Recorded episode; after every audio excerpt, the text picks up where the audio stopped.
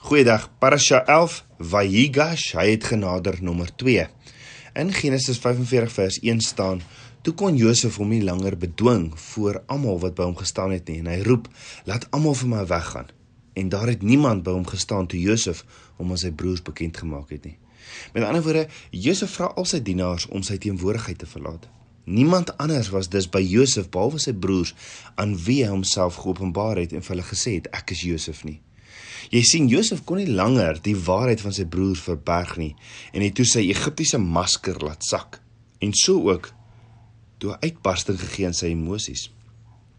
Ja Genesis 45 vers 2 sê daarop bars hy in trane uit sodat die Egiptenaars en ook die huis van Farao dit gehoor het. En ek wonder wat het hulle gedink is aan die gang. Maar nietemin, Josef kon nie sy emosies meer terughou nie. En let wel, dis nie die enigste keer wat Josef gehuil het nie. Nee, Josef het 7 keer gehuil in Genesis want versoening met sy broers en pa was was vir hom baie belangrik en was baie emosioneel want vir 22 jaar was hy van hulle verwyder. Nou 7 is die getal in die woord van Abba Vader vir volledigheid, volheid en perfeksie. 7 keer huil Josef en elke keer oor die wat hy liefhet. Josef het hierdie volmaakte ontferming, vergifnis en deernis vir die wat hy liefhet. Het Josef altyd so oor sy broers gevoel of is hy dit geleer in hierdie 22 jaar van afsondering? Want hierdie is presies die volmaakte liefde, ontferming, medelee en deernis wat Yeshua vir my en jou ook het. In Genesis 45 vers 3 sê en Josef sê vir sy broers: "Ek is Josef.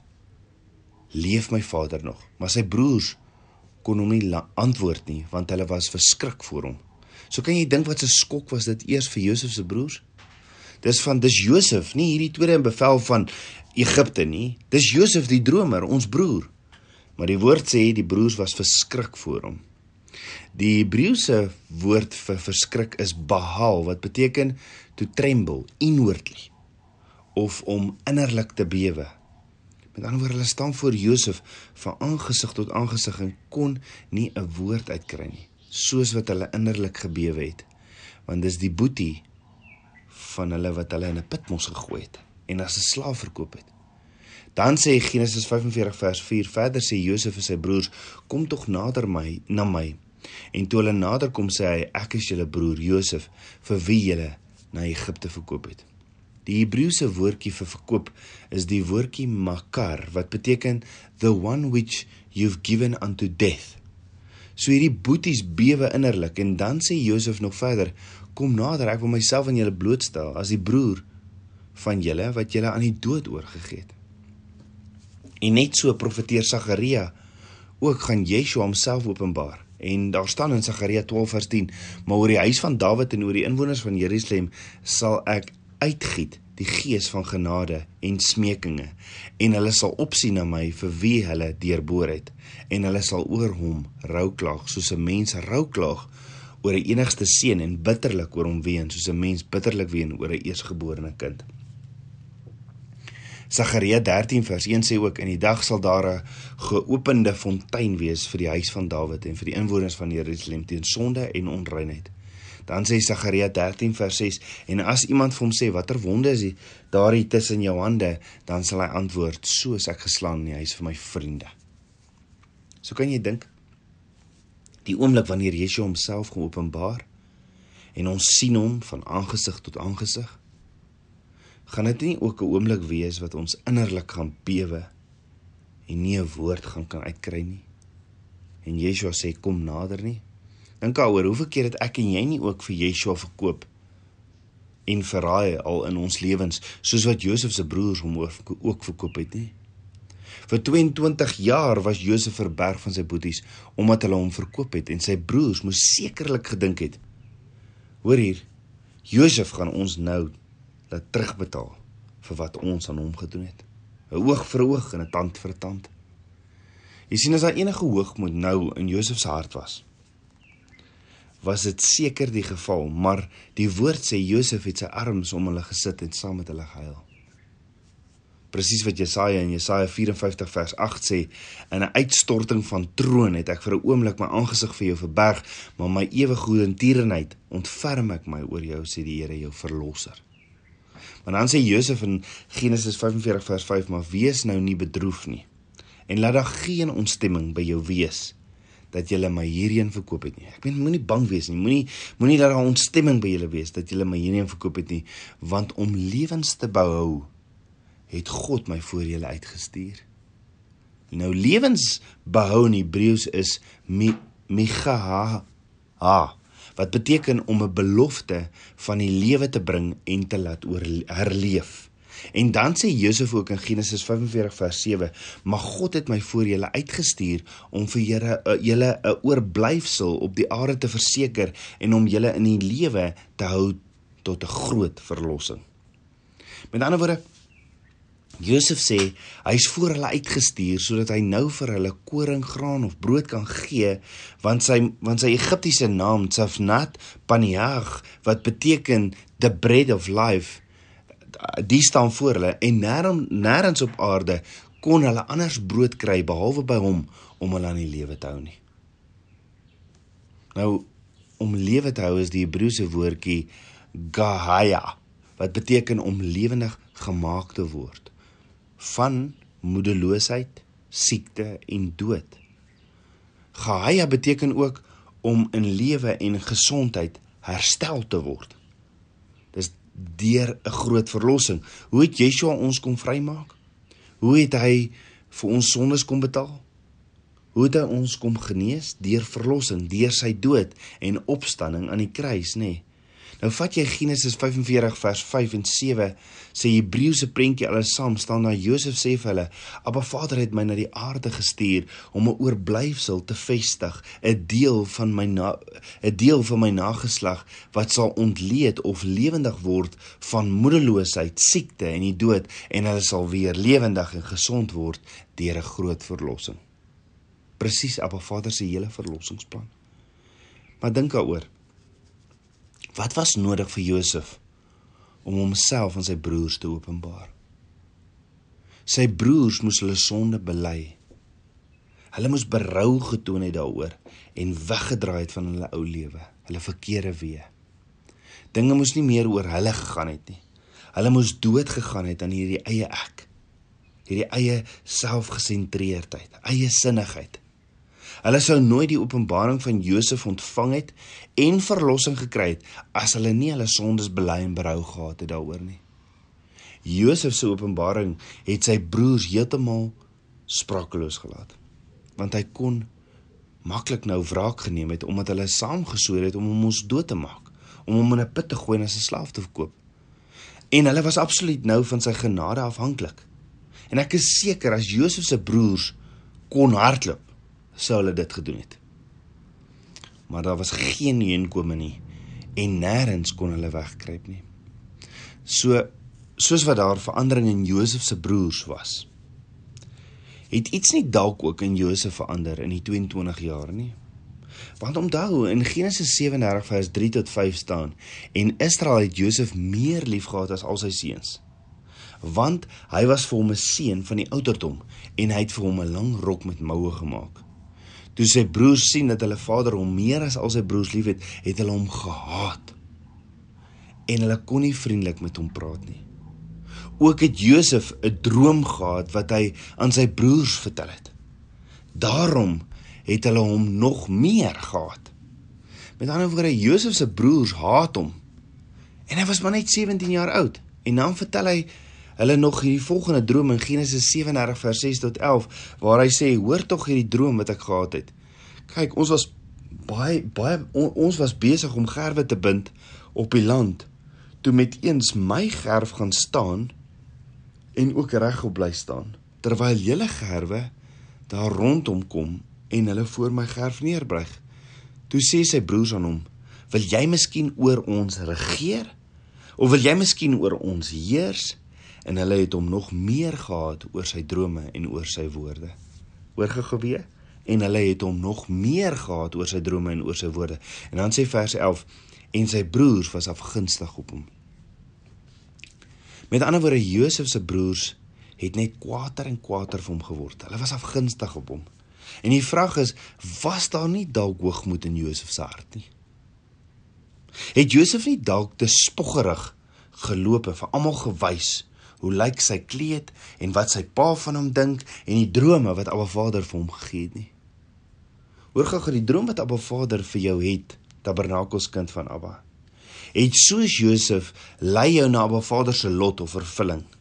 En as jy daaroor spog of breek, gaan jy nooit by die bestemming uitkom wat Abba Vader vir jou lewe het nie. Net so vandag vir sommige van ons om op te hou spog oor die droom of oor die gawes wat Abba Vader vir jou gegee het, gaan jy moet ophou praat. Want as jy praat, spog jy, nê? So hoekom spog ons? Want hoogmoed is in ons hart. Yeshua sê in Matteus 12 vers 34: "Ander ander geslag, hoe kan julle goeie dinge praat terwyl julle sleg is? Want uit die oorvloed van die hart praat die mond." Dit is baie baie duidelik dat as daar iets in jou hart is, gaan dit uitkom uit jou mond. En hoe hoor jy hoogmoed? Hoogmoed het altyd 'n stem. Jy hoor hom. Hoogmoed wil altyd gehoor word. Hoogmoed wil altyd sy opinie gee en hoogmoed val ook altyd ander in die rede. Onthou Josef het 'n slegte gerug oor sy broers na hulle vader gevat voor Josef nog sy droom gekry het. So het Josef toe al reeds dalk 'n probleem met sy mond gehad? Want onthou as jy 'n probleem het met jou mond, het jy 'n probleem met jou hart. Het Josef dalk klaar met hoogmoed in die hart gesit en toe nog die droom van Abba Vader waar sy broers neerbuig voor hom? Ek meen so ons sien in hierdie week se parasha of gedeelte die neerbuig voor hom was nie die vervulling of die bestemming van Josef se droom nie. Josef se doel op hierdie aarde was nie dat sy broers voor hom moet buig nie. Inteendeel, ons mag net voor Abba Vader buig. Josef se doel was om duis om klomp van Abba Vader se kinders te red.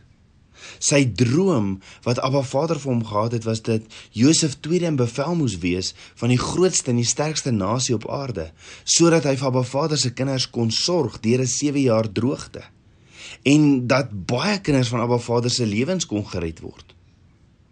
Dink gou daaroor. Hoekom het Abba Vader nie vir Josef 'n droom gegee oor red baie nie? Of hoekom het Josef nie 'n droom gekry van hy wat 'n goeie rentmeester was dat Abba Vader hom sal gebruik om baie kinders van Abba Vader te red en te verlos nie met brood nie of graan nie. Eerstens dit motiveer nie een van ons wat nog onvolwasse aan Abba Vader is nie. Dit motiveer nie die onvolwasse aan Abba Vader om baie ander mense te help nie. Dit motiveer jou wel om bekend te wees of om krag te hê om sukses te hê. Hoor gou, Miskien het jy 'n droom van 'n Abba Vader gekry. Van jy wat groot en wêreldbekend is gaan word. Maar hoor gou, jy wat groot en wêreldbekend gaan word, is nie Abba Vader se doel vir jou lewe nie. Nee, dis wanneer jy diensbaar is en baie mense bedien en help. Dit is Abba Vader se doel vir jou lewe. Soos wat ons volwasse word en Abba Vader besef ons ja, Abba Vader mag my sukses gee. Maar hierdie sukses is vir sy doelwitte. Ja, so dis moontlik dat Abba Vader vir Josef hierdie droom gegee het dat sy broers voor hom buig want om baie mense te help sou dalk nie vir Josef op daardie stadium in sy lewe baie gehelp het nie. Tweedens het Abba Vader vir Josef hierdie droom gegee van sy broers wat voor hom buig want het hierdie droom dalk uitgewys wat in Josef se hart is? Is dit moontlik dat Abba Vader vir jou ook 'n droom gegee het en Abba Vader gebruik hierdie droom om vir jou uit te wys wat is in jou hart? En om dalk sekere dinge uit te werk in jou lewe sodat jy by die vervulling van die droom wat Abba Vader vir jou het kan kom? Hoor gou, die droom van Abba Vader is nie dieselfde as die bestemming wat Abba Vader vir jou het nie. Die droom is wat ons op die pad kry om volwasse te word sodat ons die toekoms kan hanteer. Nou as jy nie eers die droom kan hanteer nie, gaan jy mos ook nie weet wat Abba Vader vir jou toekoms het kan hanteer nie. As jy nie nederig kan wees met die drome of gawes wat Abba Vader vir jou gegee het nie, gaan jy nooit by die vervulling of die doel van die lewe of die droom uitkom nie. As jy nie nederig is met die droom nie, gaan jy nooit 'n toekoms hê nie. Want die toekoms van die droom nie, toekoms, want die toekoms sal jou vernietig en Abba Vader weet dit. Dis hoekom hy vir jou die droom gee sodat die hoogmoed uitgewys moet word. Soos wat goud gesuiwer word en die vuilheid na boontoe kom, net so of na vorentoe kom, net so kom suiwer Abba Vader my en jou. Abba Vader gee jou 'n groot droom en 'n goeie droom om seker goed dalk uit jou lewe uit te kry sodat hy jou kan suiwer sodat jy dit wat hy vir jou beplan vir die toekoms kan hanteer. Soos jy gaan beweeg van jou droom wat Abba Vader vir jou het na jou toekoms wat hy vir jou het, moet jy eerstens glo hy het 'n droom vir jou. En as jy die droom het, moenie daar daaroor loop en spog of vir almal vertel nie. En dan derdens, hanteer die wortel van hoogmoed. Het jy ook al met hoogmoed soos ek gesukkel meer as een keer in jou lewe? Weet jy hoekom? Daar's baie redes, maar rede nommer 1 is ons handel met die vrug in plaas van met die wortel. So baie keer kom maak Heilige Gees Ruach Kodesh daarop attent dat jy hoogmoedig opgetree het of jy het 'n persoon so vieslik in die rede geval en jy weet dadelik Jesus, jy was nou baie hoogmoedig. Dan sê ons gewoonlik, "Joh, nee, weet jy wat, ek gaan eerder nie meer so baie praat nie. Ek gaan eerder stil bly." Nou as jy minder gaan praat, gaan die hoogmoed nêrens heen nie. Die hoogmoed gaan nog steeds daar bly want deur stil te bly, gaan die hoogmoed stop nie. Nee, jy moet iets doen om die wortel uit jou lewe van hoogmoed te kry. So wat is die wortel van hoogmoed? Hoor gaga. Onsekerheid is die rede van alle hoogmoed. As jy ooit 'n hoogmoedige persoon sien of hoor, weet daardie persoon sukkel geweldig met onsekerheid. Want as hoogmoed in jou hart is, is onsekerheid in jou siel. Rede nommer 2: Met elke nuwe geleentheid kom nuwe onsekerhede. Kom ek sê dit op 'n ander manier. Met elke nuwe uitdaging kom nuwe verantwoordelikhede en kom daar nuwe onsekerhede of met elke nuwe vlak van verantwoordelikhede kom nuwe onsekerhede. Met ander woorde, jy is so naby aan Abba Vader. Jy ken hom in alles en jy wandel saam met hom in intimiteit en jy doen net goed en dan ewe skielik kry jy 'n verhoging of word daar 'n groter leier of word jy 'n groter leier en ewe skielik besef jy o nee, ek kan dit nie doen nie en dan kom maar daai onsekerheid. Let wel, jy kan nie hierdie onsekerheid regstel deur meer selfvertroue in jouself te hê nie. Want dit vererger net. Dit vererger net die hoogmoed in jou. Jy moet meer al jou vertroue in, in Abba Vader sit. Jy het hom actually dan net meer en meer nodig. Jy kan nie hierdie blasey houding hê van jy weet jy jy weet jy is werklik baie goed hier in nie want dit is hoogmoedig. Jy kan nie dink jy's nou so goed hier in nie, dis hoogmoedig. So as daar onsekerheid is, moet ons leer om dit te hanteer. Onthou jy wat het die vyand vir Yeshua gesê in die woestyn? Die vyand sê vir Yeshua in Lukas 4 vers 3: As u die seun van God is, sê vir hierdie klip dat dit brood moet word. Yeshua het nooit vir die vyand teruggeantwoord en gesê: Ja, jy is reg ek is die seun van God nie. Dink daaroor, hoekom het jy so nooit vir hom gesê, "Daar het jy dit. Jy is reg. Ek is die seun van God nie." Want Yeshua het geweet wie hy in Abba Vader is. Hy het geweet hy is die seun van God en 'n kind van God. Hoor gou-gou. Yeshua leer my want dis hoe ons moet handel met ons sekerheid. Ons moet op die plek kom waar ons weet ons is kinders van Abba Vader. Josef het dit in sy 22 jaar geleer. Hy het besef die drome wat hy van Abba Vader gekry het, gaan nie oor hom nie. Dit gaan oor hy wat net 'n instrument in Abba Vader se hande is om die bruid te verlos en te red. En daarom sê Josef in Genesis 45 vers 7: "Maar God het my voor julle uitgestuur om vir julle 'n oorblyfsel op die aarde te verseker en om julle in die verlossing te hou, ag in die lewe te hou tot 'n groot verlossing." Kom ons bid saam. Aba Vader, koning van my hart, Vader, ek loof en prys U. Vader, deurgrond my hart. En as daar enige hoogmoed in my is, vergewe my asseblief, Abba. En kom was my met die waterbad van U woord. Vader, ek wil doodgaan aan myself en 'n instrument wees in U hande. Ek wil diensbaar wees in U koninkryk kom lewe my sodat ek 'n volmaak sodat ek hierdie volmaakte liefde van Yeshua hierdie ontferming, medelee en deernis vir 'n gebroke wêreld kan wees.